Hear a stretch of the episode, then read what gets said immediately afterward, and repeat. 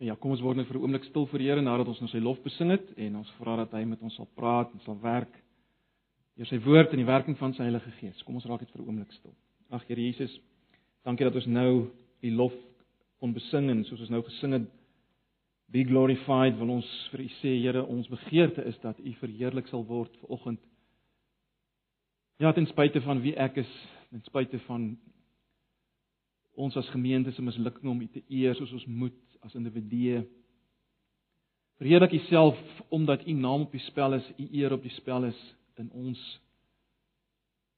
verlossing. Here ons weet Jy's dit gee vir ons sekerheid. Ons eie lewens en ons dankie daarvoor en ek wil maar net vra, ag Here, kom nou en kom werk en kom praat met ons. Ons bid vir elkeen wat nie hier kan wees vanoggend nie, elkeen wat siek is, swaar kry. En kan jy dien met wie dit nie so goed gaan nie? Ons bid dat U vir haar volkomme herstel sal gee. Manfred wat nog aansterk, dra hom aan U op.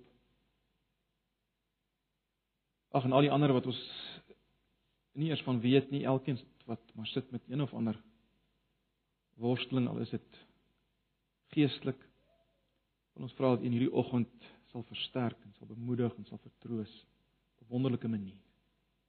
Asseblief Here, nou kom, gee ons onsself vir U en ons Wil vra kom werk maar net met ons in Jesus se naam. Amen. Goed, ons is steeds besig met Markus. Ehm um, ons het uh, verlede Sondag begin kyk aan die eerste 25 verse van Hoofstuk 14. Nou gaan ons kyk vanaf vers 6, 26. As jy die plek het, kom ons lees saam vanaf vers 26. Nadat hulle die lofsang gesing het, het hulle uitgegaan Olyfberg toe. Toe sê Jesus vir hulle: "Julle sal almal van my afvallig word." Letterlik aanstoot neem. Daar staan daar staan immers geskrywe: Ek sal die herder doodmaak en die skape sal uitmekaar gejaag word. Vers 28. Maar nadat ek uit die dood opgewek is, sal ek julle vooruitgaan na Galilea toe. Petrus het hom gesê: Al sal hulle ook almal aan u afvallig word of dan letterlik u verlaat, ek sal nie. Jesus sê te vir hom: Dit verseker ek jou, jy sal vandag nog in hierdie nag voordat die haan 'n tweede keer kraai, my 3 keer verloon. Maar Petrus het nadruklik gesê: "Al moet ek saam met u sterwe, ek sal u beslis nie verloon nie." En al die ander het dieselfde gesê. Vers 32: Toe kom hulle by 'n plek met die naam Getsemane en Jesus sê vir sy disippels: "Sit hier terwyl ek gaan bid." Daarna neem hy vir Petrus, Jakobus en Johannes saam met hom. Hy het ontstel en beangs geword en vir hulle gesê: "Ek voel doodsbenoud. Bly hier en waak." Hy toe 'n entjie daarvandaan op die grond gaan kniel en gebid dat as dit moontlik is die uur van sy lyding nie vir hom sou aanbreek nie. Hy het gesê: "Abba, Vader, alles is vir U moontlik. Neem hierdie lydensbeker van my al weg. Moet nogtans nie doen wat ek wil nie, maar wat U wil." Hy kom toe terug en kry die drie aan die slaap en vra vir Petrus: "Simon, slaap jy? Kan jy nie eens 1 uur lank wakker bly nie?" Julle moet waak en bid sodat julle nie in versoeking kom nie. Die gees is wel gewillig, maar die vlees is swak. Hy het weer gaan bid in dieselfde gebed as voorheen uitgespreek. Hy kom toe terug en kyk kry die drie weer aan die slaap. Want hulle was baie vaak. Hulle het nie geweet wat om hom te sê nie. Toe sê hy die toe hy die derde keer terugkom sê hy vir hulle slaap en rus julle nou nog. Dit is genoeg. Die tyd het gekom. Die seun van die mens word in die hande van die sondaars oorgegee. Staan op, kom, ons loop. Kyk, die man wat my verraai is hier. Op daardie oomblik terwyl Jesus nog praat, kom Judas wat een van die 12 was, daaraan saam met 'n klomp mense met swaarde en stokke. Hulle is deur die priesterhoofde en die skrifgeleerdes en die familiehoofde eh, gestuur. Die verraaier het met die mense 'n teken afgespreek. Hy het gesê: "Die een wat ek sal soen, dis hy. Gryp hom en vat hom weg. Moenie dat hy ontsnap nie." Toe hy daar kom het hy reguit na Jesus toe gegaan en gesê: "Rabbi." En hy het hom met 'n soen gegroet. Die ander het vir Jesus gegryp en hom gevange geneem. Een van die wat daarby staan het 'n swaard uitgepluk waarmee hy na die sla die slaaf van die hoofpriester geslaan en sy oor afgekap. Jesus sê toe vir die mense: "Het julle met swaarde en stokke gekom om my te vang asof ek 'n rower is? Dag vir dag was ek by julle besig om die mense in die tempel te leer en julle het my nie gevange geneem nie. Maar die skrif moet in vervulling gaan." Toe het sy disippels hom uh, in die steek gelaat en weggehardloop. Sekere jong man is saam agter Jesus aan met net 'n doek om sy lyf. Die mense gryp hom toe, maar hy het die doek gelos en kaal weghardloop. Ons lees net so ver.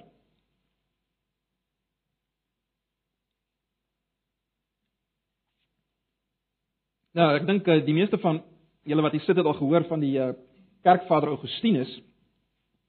Maar ek weet nie hoeveel van julle is bewus van die die eh, boek wat hy geskryf het, die sekerlik die sy mees invloedryke werk, die stad van God nie die stad van God. Dit is natuurlik nie in Afrikaans geskryf nie. Dit is in Latyns geskryf. Uh maar niemand het beter as Augustinus 'n analise gemaak van as jy wil die twee soorte menslike samelewings of as jy wil kulture, gemeenskappe of koninkryke. Of as jy net wil die twee groepe mense wat te gelykertyd in hierdie wêreld saam bestaan. Niemand het 'n beter analise gegee daarvan as Augustinus. Hy noem hulle twee stede na aanleiding van die Bybelse gebruik van die twee stede Babylon en Jerusalem. Nou die een groep mense of stad of koninkryk lewe volgens Augustinus volgens die sondige natuur, die vlees waarvan die Bybel praat, terwyl die ander groep wil lewe volgens die gees. Die verskil tussen die twee groepe koninkryke lê in die verskil in wat hierdie mense liefhet en waarvoor hulle hulle wil gebruik. Verskil lê tussen wat hulle liefhet en waarvoor hulle hulle wil gebruik. En dit is nie altyd so maklik om te weet aan watter koninkryk iemand behoort volgens Augustinus. Nou, wat het dit alles te maak met Markus 14 vers 26 en verder? Wel, broers en susters, in hierdie gedeelte wys Markus vir ons onder leiding van die Heilige Gees dat dit juis in krisistye is of as jy wil in die skadu van die kruisis waar dit duidelik word aan watter koninkryk iemand behoort. Waar hy homself bevind of haarself bevind. En nou die skokkende ding wat Markus hier uitlig is dit. die disippels se optrede in 'n oomblik van krisis dui daarop dat hulle meer lewe volgens die koninkryk van hierdie wêreld as die koninkryk van God. En dit dis die skokkende ding wat hy wil hê ons moet raak sien. So kom ons kyk bietjie na die disippels se optrede voor die krisis van die inhegtenisname. En ons gaan kyk na Jesus se optrede voor die krisis van die inhegtenisname. En dan kyk ons hoe het hierdie optrede beïnvloed hoe hulle uiteindelik reageer binne die krisis. OK, so ons kyk na wat het hulle gedoen voor die krisis? Die disippels en Jesus en dan kyk ons hoe het dit wat hulle voor die tyd gedoen het 'n invloed gehad of watter invloed het gehad op op hoe hulle uiteindelik opgetree het in hierdie krisis van die inhegtenisname. Nou ons is op pad na die kruis. En wat ons daar gaan sien gaan vir ons die radikale verskil wys van wat het nog die disippels se lewe beheer op hierdie punt? Wat het hulle nog lief gehad? Waarvoor het hulle hulle wil gebruik? En wat het Jesus se lewe op hierdie punt beheer? Waarvoor het hy sy wil gebruik? En nou natuurlik die uitdaging is weer eens nie om soos die disippels te wees. Die disippels is nooit ons voorbeeld nie, hoor. Net soos ander Christene nooit ons voorbeeld is nie. Jesus is ons voorbeeld. Jesus is ons standaard. Dit is baie belangrik. So kom ons kyk daarna. Kom ons kyk na die disippels se optrede voor die inhegtenisname, daarvan vers 26 tot 31. Nou, verlede Sondag het ons gesien hoe Jesus die lojaliteit van die disippels bevraagteken. Onthou julle dit? Hy het aangedui dat een van hulle wat saam met hom eet, wat saam met hulle eet, wat saam sy hand in die skottel gaan steek, hy gaan hom verraai. En hy doen dit op dieselfde tyd wat hy die nagmaal instel, eh, waar hy wys wat hy vir hulle gaan doen as die finale Paaslam op hierdie Paasfees. Hy wil wys dat hy in hulle wil woon. Deel wil wees van hulle lewe. Hulle moet hom eet en hulle moet hom drink, né? Nee, dis dis wat ons gesien het verlede Sondag.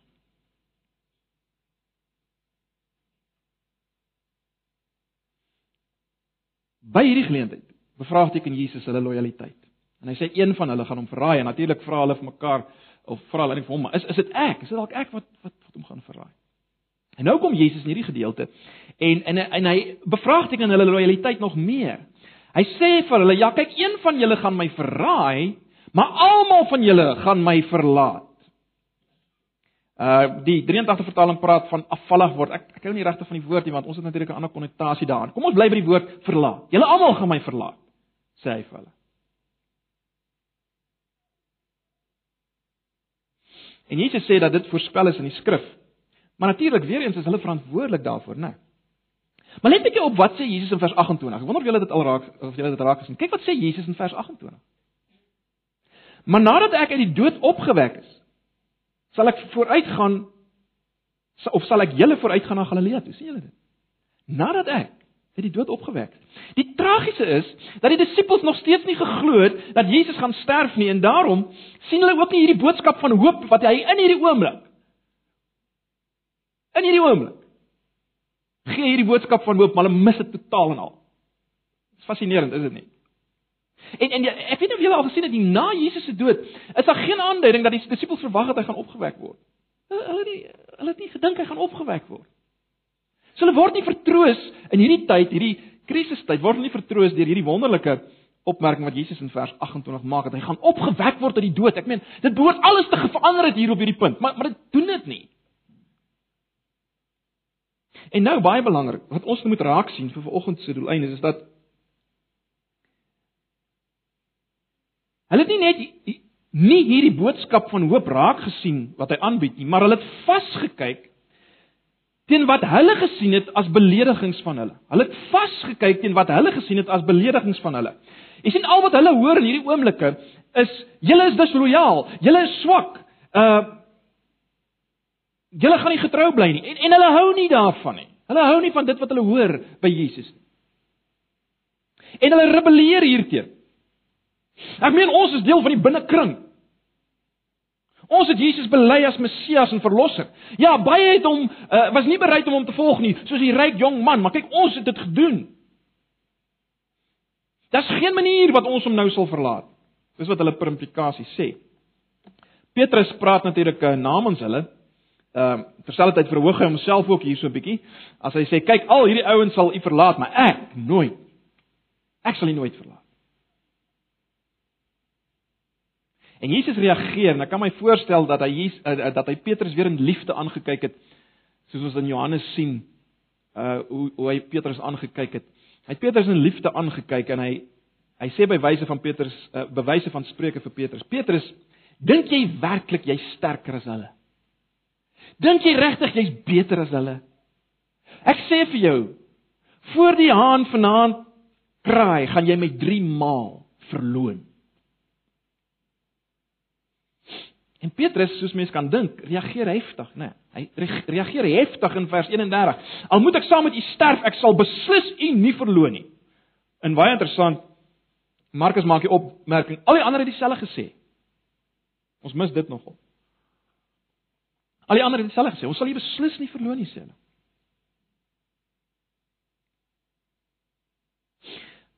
Maar goed, wat ons moet raak sien broers en susters is dit. Waarop het die disippels staat gemaak in hierdie oomblik? Dink 'n bietjie daaraan. Waarop het die disippels staat gemaak in hierdie oomblik? Het hulle werklik vertrou in die beloftes wat Jesus gemaak het, al die beloftes wat hy al gemaak het? Ons het reeds gesê hulle het hulle het nie raak gesien dat hy gaan opstaan die gewellige belofte daarvan nie. Met ander woorde hulle het nie belofte van die opstanding gevat nie. Die belofte dat hy in hulle sal bly wat implisiet in die nagmaal is dit het hulle nie gevat nie. Waar het hulle staat gemaak? Wel hulle vertrou in hulle eie vermoë is dit nie? Hulle eie vermoë om staande te bly hulle eie krag Die Bybelse manier om dit uit te druk is vertroue in die vlees, né? Nee, vertroue in die vlees of as jy wil, vertroue in die sondige natuur. Dis waarop hulle staat gemaak. Dit is die ding wat die disippels se optrede voor die krisis van die inhegtingsname kenmerk. En ons gaan nou sien watter gedrag uh lei hier uit voort. Maar ons moet dit raak sien. So dis die disippels. Dis die disippels. Kyk nou na Jesus. Jesus se optrede voor die krisis van die negtes na met vers 32 tot 42. Kom ons kyk na vers 32 tot 42. Ons sien Jesus lei die disippels na Getsemane. Baie interessant, Getsemane beteken olyfpers. Dis waar olywe saam gepers is totdat die laaste druppel uh olie as te ware uitgepers is. En Jesus neem die binnekring saam, né? Nee, Petrus, Jakobus en Johannes. En met hulle deel hy sy benoudheid. Nou, belangrik belangrik op hierdie punt moet mens net onthou uh hoe Jesus van die begin af deur die Satan versoek is. Verlei is, versoek is, weet soos jy wil stel, om die kruis uit te stap. Onthou julle dit? Mense sien dit die duidelikste uh natuurlik in Markus 8 waar Jesus vir die eerste keer met sy disippels praat oor wat gaan gebeur, dat hy gelei gaan word, dat hy gaan ly en gaan sterwe. En en julle sal onthou Petrus hou niks daarvan nie, hy wil niks daarvan hoor nie. En dan draai Jesus om en hy sê vir hom: "Gaan weg agter my Petrus, want jy bedink nie die dinge van God nie, maar van mense."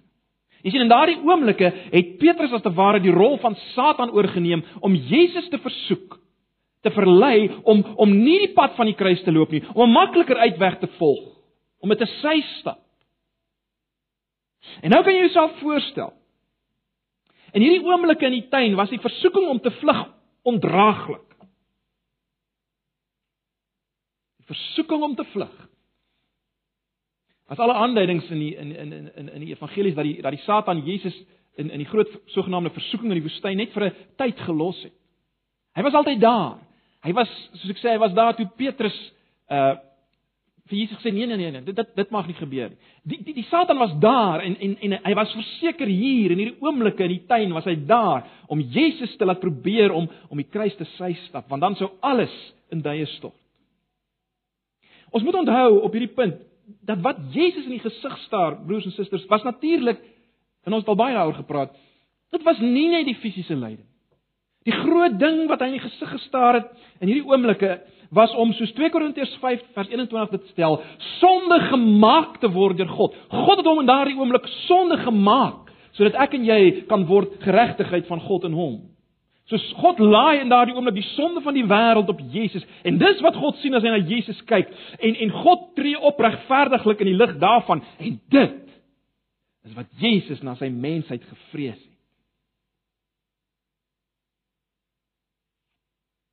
Daardie oomblikke dat God na hom sou kyk en sonde, die sonde van die wêreld sou sien. Hy het dit gevrees. In vers 34 sien ons dat Jesus sê vir die binnekring, ek voel doodsbenoud. Dit is moeilik om dit te vertaal. Dit is 'n gevoel van oorweldigende angs en benoudheid eh, wat by Jesus was. Ek voel doodsbenoud. Die ongelooflike is dat Jesus in hierdie oomblik vir sy disippels om hulp vra. Hy sê: "Wees waaksaam, wees wakker, help my hier." En terloops dieselfde woord word, word hier gebruik as wat aan die einde van vers 13 gebruik word. Wees waaksaam. Wees waaksaam. En dan gaan Jesus 'n entjie weg en hy val op sy gesig voor God. Nou Hebreërs wat ons gedoen het in in Hoofstuk 5 vers 7 uh verwoord dit wat hier gebeur het vir my baie mooi. Hebreërs 5 vers 7. Julle kan maar so intoe blaai of net luister. Hebreërs 5 vers 7.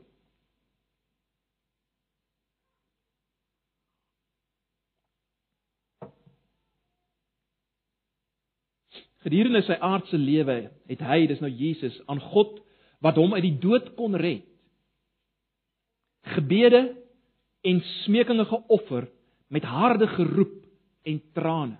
Baie baie uh, baie duidelik dat Hebreërs dieselfde konteks en gedagte die die die, die kruising.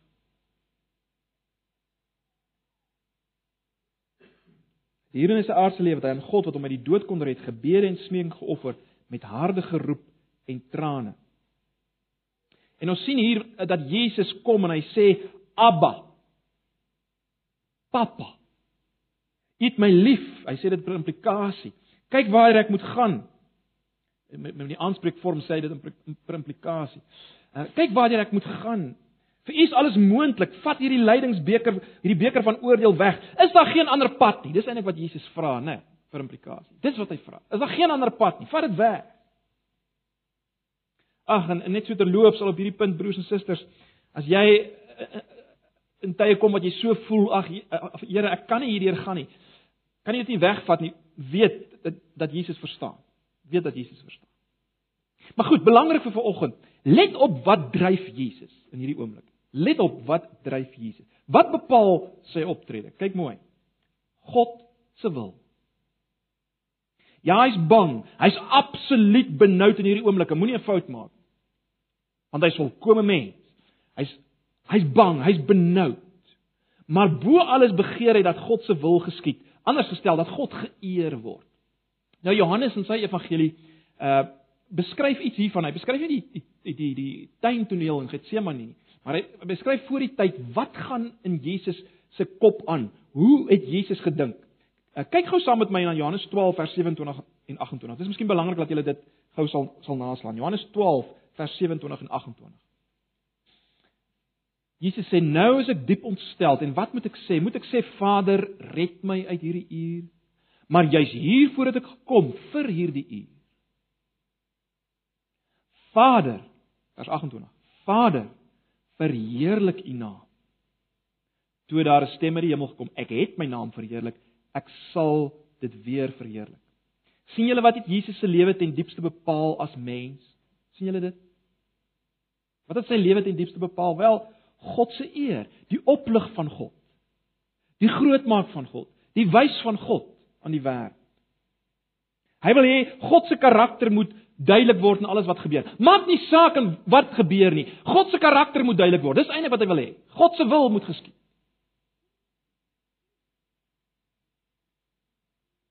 Mens kan amper sê dat Jesus se vreugde te midde van absolute angs was dit God moet verheerlik word. God moet gesien word vir wie hy is. Dit moet duidelik word vir almal.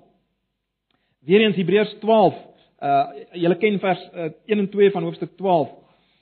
Uh waar die skrywer sê ons moet ons oog vestig op Jesus vers 2 die begin en volëinder van die geloof ter wille van die vreugde wat vir hom in die vooruitsig was het hy die kruis verduur sonder om vir die skande daarvan terug te deins en hy sit nou aan die regterhand van van die troon van God. Nou ek wil dit waag om te sê dat deel van hierdie vreugde, deel van hierdie vreugde was dit, die wil van God. Deel van die vreugde waarvoor Jesus bereid was om die skande van die kruis te verduur, was dit God gaan geëer word, God gaan gesien word vir wie hy is. Sy wil gaan geskied. En dit het hom vreugde gebring in sy pyn. Ag, is belangrik, broers en susters, maar net weer eens en ons weet dit in hierdie gemeente, maar dit is so belangrik om net hier weer te sien dat die die hele evangelie is God gefokus. Ons kan nie daarvan wegkom. Die hele evangelie gaan oor een ding, God word gesien en geëer vir wie hy is in dit wat gebeur in die verlossing van mense. Ek meen God word die beste gesien aan die kruis, is dit nie? Aan die kruis sien ons sy absolute regverdigheid en sy absolute liefde wat mekaar ontmoet op 'n ongelooflike manier. En daar sien ons wie God werklik is. Absoluut regverdig, maar volkomme liefde. Ons kan baie hieroor praat, maar dit is belangrik dat ons sal raak sien. Maar kyk nou, wat doen die disippels op hierdie punt? Hulle bid nie vir hom of vir hulle self nie. Hulle waak nie, hulle slaap. En Jesus is ontstel, sien julle dit? Jesus is baie ontstel.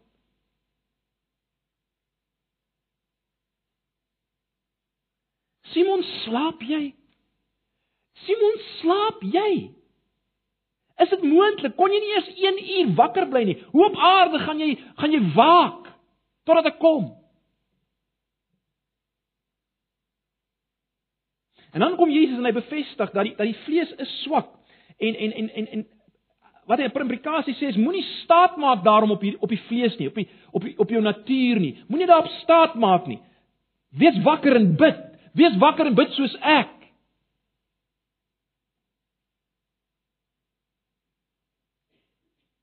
Jy sien die disippels kies om staat te maak op hulle self, op die vlees. As jy wil, hulle leef volgens die beginsel van die koninkryk van die wêreld waarvan Augustinus praat. Dis dis dis waar volgens hulle hier leef. Jesus aan die ander kant werp homself volkome op die barmhartigheid van God. Hy maak staat op God se krag bo alles. En en wat vir hom belangrik is is in hierdie oomblik is nie dat sy reputasie gered word nie. Dis vir hom nie eers belangrik dat sy liggaam gered word nie. Maar dat God geëer word. Dis wat vir hom belangrik is in hierdie oomblikke. Dat God se wil geskied. 'n Mens dink onwillekeurig aan aan die gebed wat Jesus vir sy disippels leer in die sogenaamde Onse Vader. Laat u koninkryk kom, laat u wil geskied. Dis hoe Jesus hier bid. En dis hoe hy wil hê ons moet bid. Ons ken die rympie, maar ek wonder of ons die implikasies ooit vat. Laat u wil geskied. Laat u koninkryk kom. Nee, Here, gee vir my dat ek vandag Dis mos ons dit wil bid. Dis net 'n lysie van wat die Here vir ons moet doen sodat ons kan beter lyk. Nee, Jesus bid, laat u koninkryk kom, laat u wil geskied. Dis hoe hy bid. Dis hoe hy bid.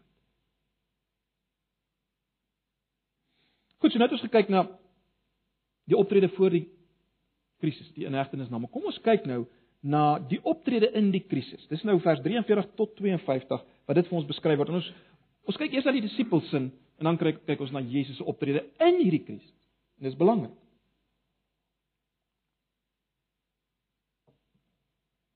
Nou, eerstens sien ons natuurlik hier hoe Judas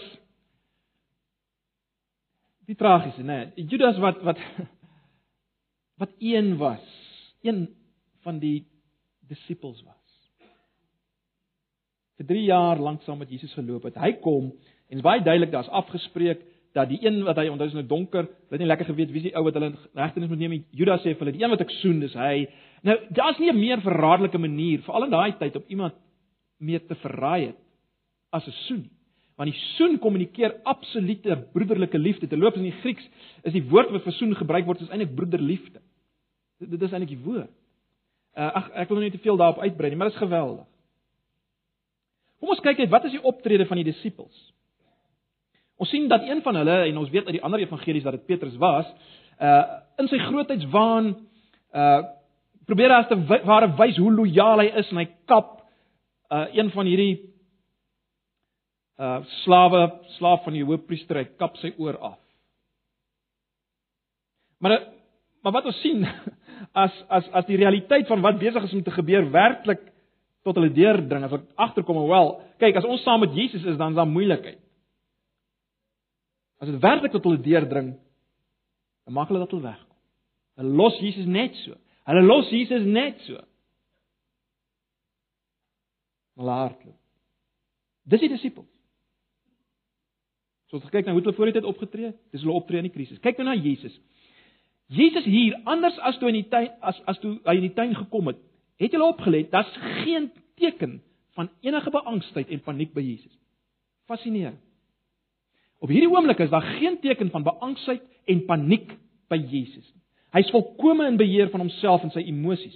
Om te waarheid te sê, om die waarheid te sê, hy spreek eintlik hy, hy spreek die ouens rondom hom eintlik aan, né? Uh Markus teken dit nie op nie, maar ons weet uit Lukas uh Lukas maak nog 'n punt daarvan dat Jesus die die die die slaaf se oor genees het in hierdie oomblikke. Dink net daaraan. Ek meen hy's in die oomblik van sy eie grootste krisis en hy dink aan iemand anders om iemand anders te genees. Iemand wat hom in hegtenis kom neem het. Ek meen dit is verstommend as jy daaraan dink. Hy doen dit in daai oomblik. En hier kom hy en hy hy hy hy hy spreek eintlik die die vrese van die priesterhoofde aan. Hy hy sê vir hulle maar kyk ek is ek is elke dag by julle en hoekom neem julle my nie in hegtenis nie? En ons weet dit dit dit hy hy druk daarop op op op op, 'n teer saakie nê want uh hulle was bang. Dis hoekom hulle hom nooit openlik in hegtenis geneem nie, maar nou in die nag kom. Hulle was bang.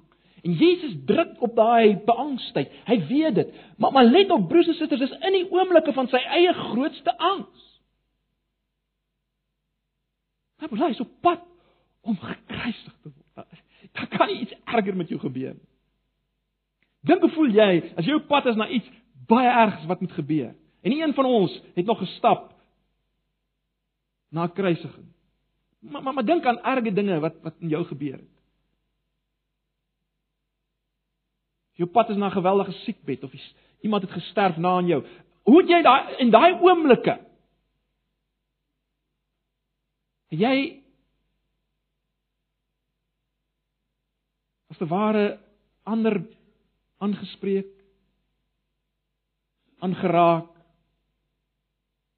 Dit spreek van absolute kalmte, vrede, oorwinning binne in hierdie situasie.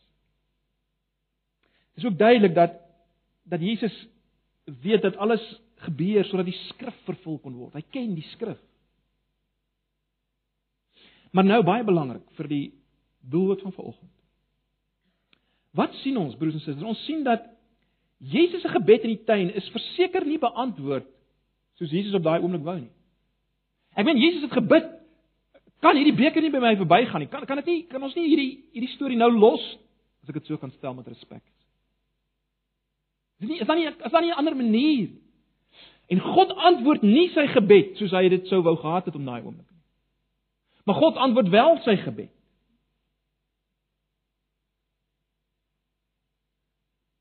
Hy het hom so versterk en so bekragtig in hierdie situasie dat hy so kon optree.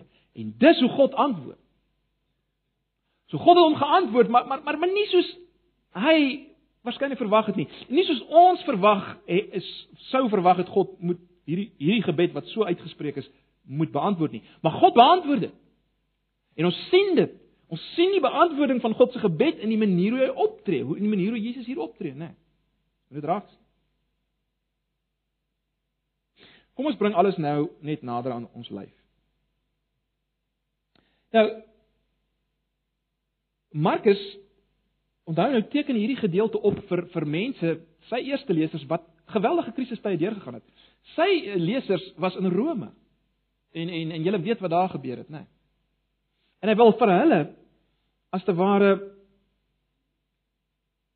help om soos Jesus op te tree in hierdie krisistye, nie so die disippels nie.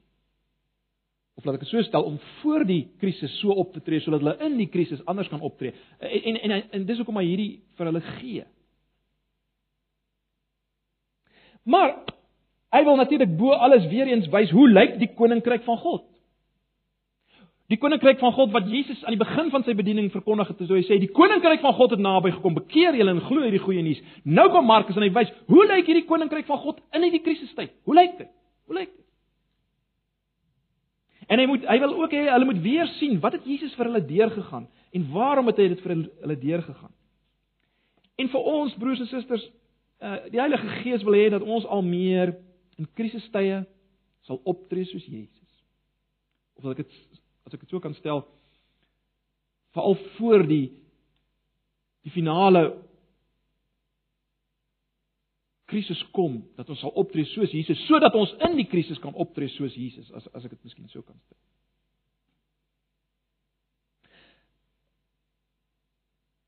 Markus wil hê of laat ek so sê die Heilige Gees wil hê ons moet sien hoe lyk die koninkryk van God in krisistye. Hoe lyk die koninkryk van God in krisistye? Dis baie belangrik. En weer eens ons ook moet bewus word van wat dit wat Jesus vir ons gedoen het en van hoe vas en seker dit is. So vra jouself vanoggend af. Dit is baie belangrik om eerlik te wees met jouself. Wat bepaal, dink mooi daaroor, wat bepaal my optrede in moeilike tye? Hoe tree ek op? Is my eerste reaksie in moeilike tye, maak nie saak wat dit is nie. Of nou kinders op skole toets is, 'n uh, moeilike gesprek by jou werk, wat dit ook al mag wees. Wat 'n krisis dit ook al mag wees.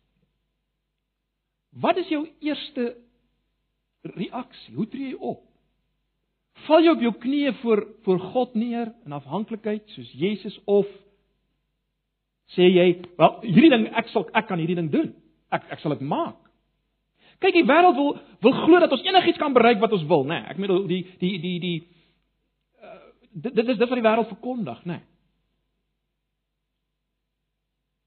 Jy kan eintlik enigiets doen. Jy moet net glo in jouself, man. Jy kan dit doen.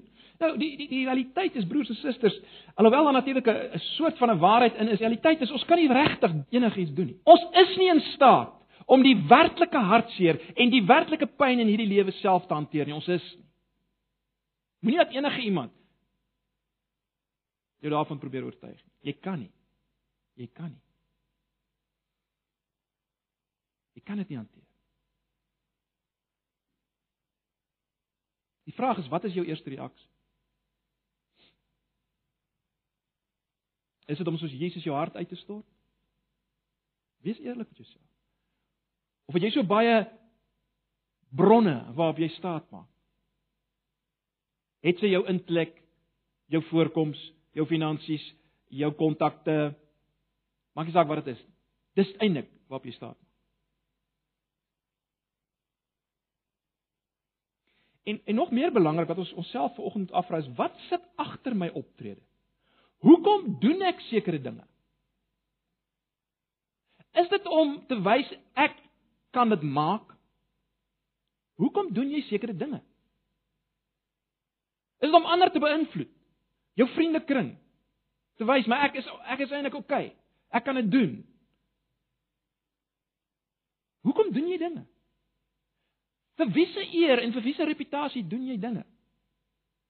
Dit dis 'n baie belangrike vraag.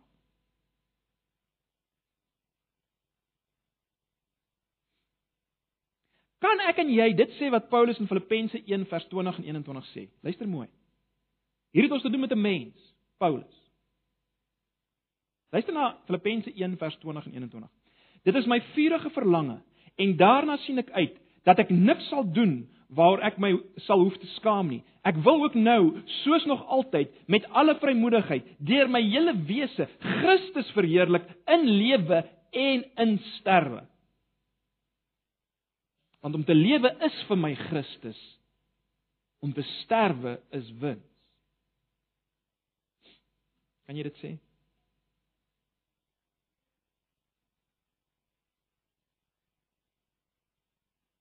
Wat moet ons doen as ons nie daar is nie, broers en susters? Wel, in die eerste plek moet mense dit bely. Dis dis dalk tyd vir oggend om dit te bely en sê Here, ek ek maak eintlik maar staat op myself. Dit gaan eintlik maar ten diepste vir my. As ek baie eerlik is, gaan dit oor my eie reputasie. Wat mense van my dink, hoe hulle my sien. Gaan ek dit maak? Kan ek Dit gaan nie vir my oor. Hoe hoe kan God gesien word deur hierdie ding waarna ek waardeur ek nou gaan? Dit gaan nie vir my daaroor nie. Broers en susters, as dit nie so is nie, en as julle enigstens soos ek is, dan moet julle vanoggend dit bely.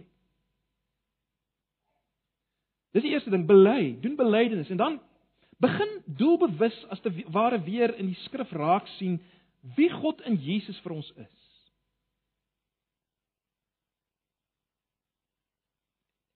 Sien dit weer raak. Begin weer raak sien sy eer is die belangrikste ding in die heelal en begin raak sien is, is begin raak sien dat ja dit maak sin. Dit moet so wees in die lig van wie hy is. Sy eer moet die belangrikste ding wees. En dit alleen, sy eer bring ook vir my blydskap en vreugde. Dit wat uh John Piper altyd lief is om oor te praat. Begin dit raak sien, begin dit raak sien deur die skrif te ondersoek. Ag, maar miskien is jy vanoggend wat uh van julle wat wat moedeloos is. Jy's moedeloos oor oor jou lewe volgens die vlees. En ag, ek dink jy's is dalk meer van ons as wat ons wou sou wou erken. Wat moet ons raak sien in hierdie gedeelte?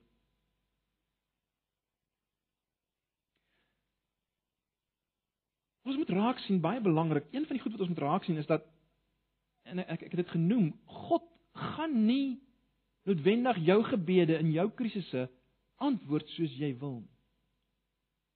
Maar hy gaan dit beantwoord as jy jou hart uitstort voor die Here. As jy jou krisis bring na die Here en jy werp jouself op hom en dit en jy en jy wil hê dat hy geëer moet word, dat hy moet gesien word, maak nie saak hoe nie, dat hy gesien moet word. Broers en susters, hy sal dit doen. Hy gaan jou nie bevry uit jou krisis nie. Hy gaan dit nie beantwoord soos jy waarskynlik wil hê dit moet beantwoord word nie, maar hy gaan jou iets laat beleef van sy teenwoordigheid en sy krag. Dit is baie interessante twee verse in Romeine 8, né? Nee. Bly gaan na uh, uh, Romeine 8 vers 15 en 16. Waar Paulus sê die gees wat aan julle gegee is, maak julle nie tot slawe nie en laat julle nie weer in vrees lewe nie. Nee, julle die gees ontvang wat julle tot kinders van God maak en wat ons tot God laat roep, Abba. Dit beteken Vader. Hierdie gees getuig saam met ons gees dat ons kinders van God is.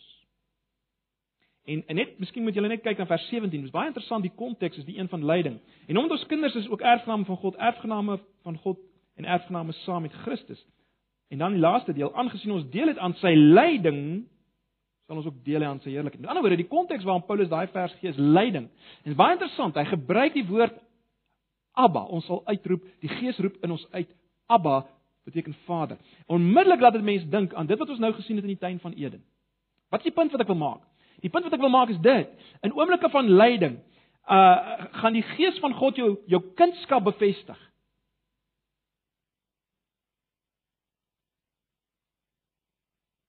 Dis hoe God dikwels ons gebede antwoord vir verlossing van een of ander krisis of swaar kry.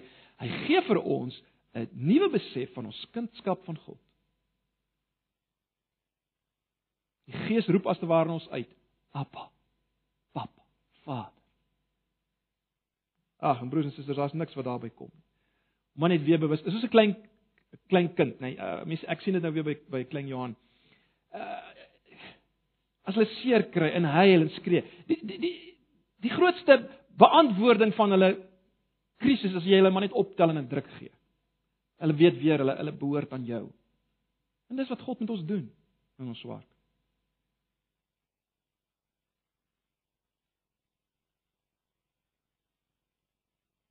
Ag en dan broers en susters, wat ons maar ook net vir vanoggend moet raak sien in hierdie gedeelte is dit wat Jesus vir ons deurgegaan het, né? Nee. Hy het Getsemane vir ons deurgegaan. Hy het daai angs vir ons deurgegaan. Sodat ek en jy dit nie hoef deur te gaan nie. En sodat hy ons kan bemoedig en versterk in ons deurgaan van lydingssituasies, krisissituasies. En heel laastens, en daarmee sluit ek af.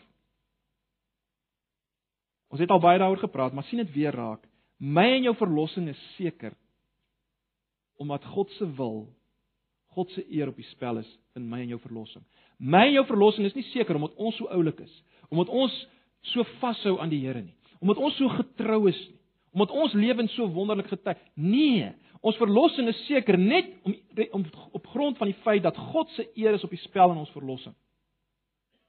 En dit sien ons hier implisiet, is dit nie? En dit wat Jesus bid.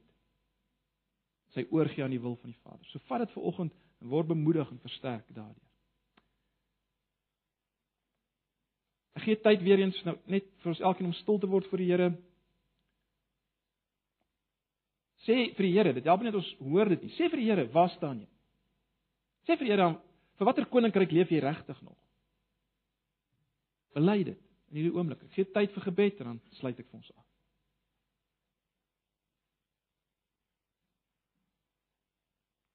Dalk is jy volgende hier as iemand wat wat weet jy het nog nooit gebuig voor Jesus nie. Jy is nie deel van die nuwe koninkryk. Jy leef vir die wêreld, vir die koninkryk van die wêreld, vir jouself en vir hoe jy lyk en al wat vir jou saak maak is is wat mense van jou dink. Ag, dit is tyd om jou jou hart uit te stort voor die Here dalk in hierdie oggend. Raak deel van van die beter koninkryk, die koninkryk van God. Uh, kom ons raak stil voor die Here. Here, U hoor volgens elkeen se versigtiging. U ken ons elkeen se hart. En ons wil net kom bely waar ons so dikwels nog maar leef net vir die selfde koninkryk as wat die wêreld wat U nie ken nie leef. Bely dit. Bely dit as gemeente. Ons wil hierdie oggend maar net as gemeente vir U kom vra, laat U koninkryk kom. Laat die koninkryk kom hier in Antipas. Laat die koninkryk kom in Pretoria. Laat die koninkryk kom en die wil geskied in Suid-Afrika, in die wêreld. Asseblief, Here. Asseblief, ons vra dit in Jesus se naam. Mag nou die genade van ons Here Jesus, liefde van God, gemeenskap van die Heilige Gees met julle wees en bly in hierdie dag en hierdie week en in al julle krisisse. Amen.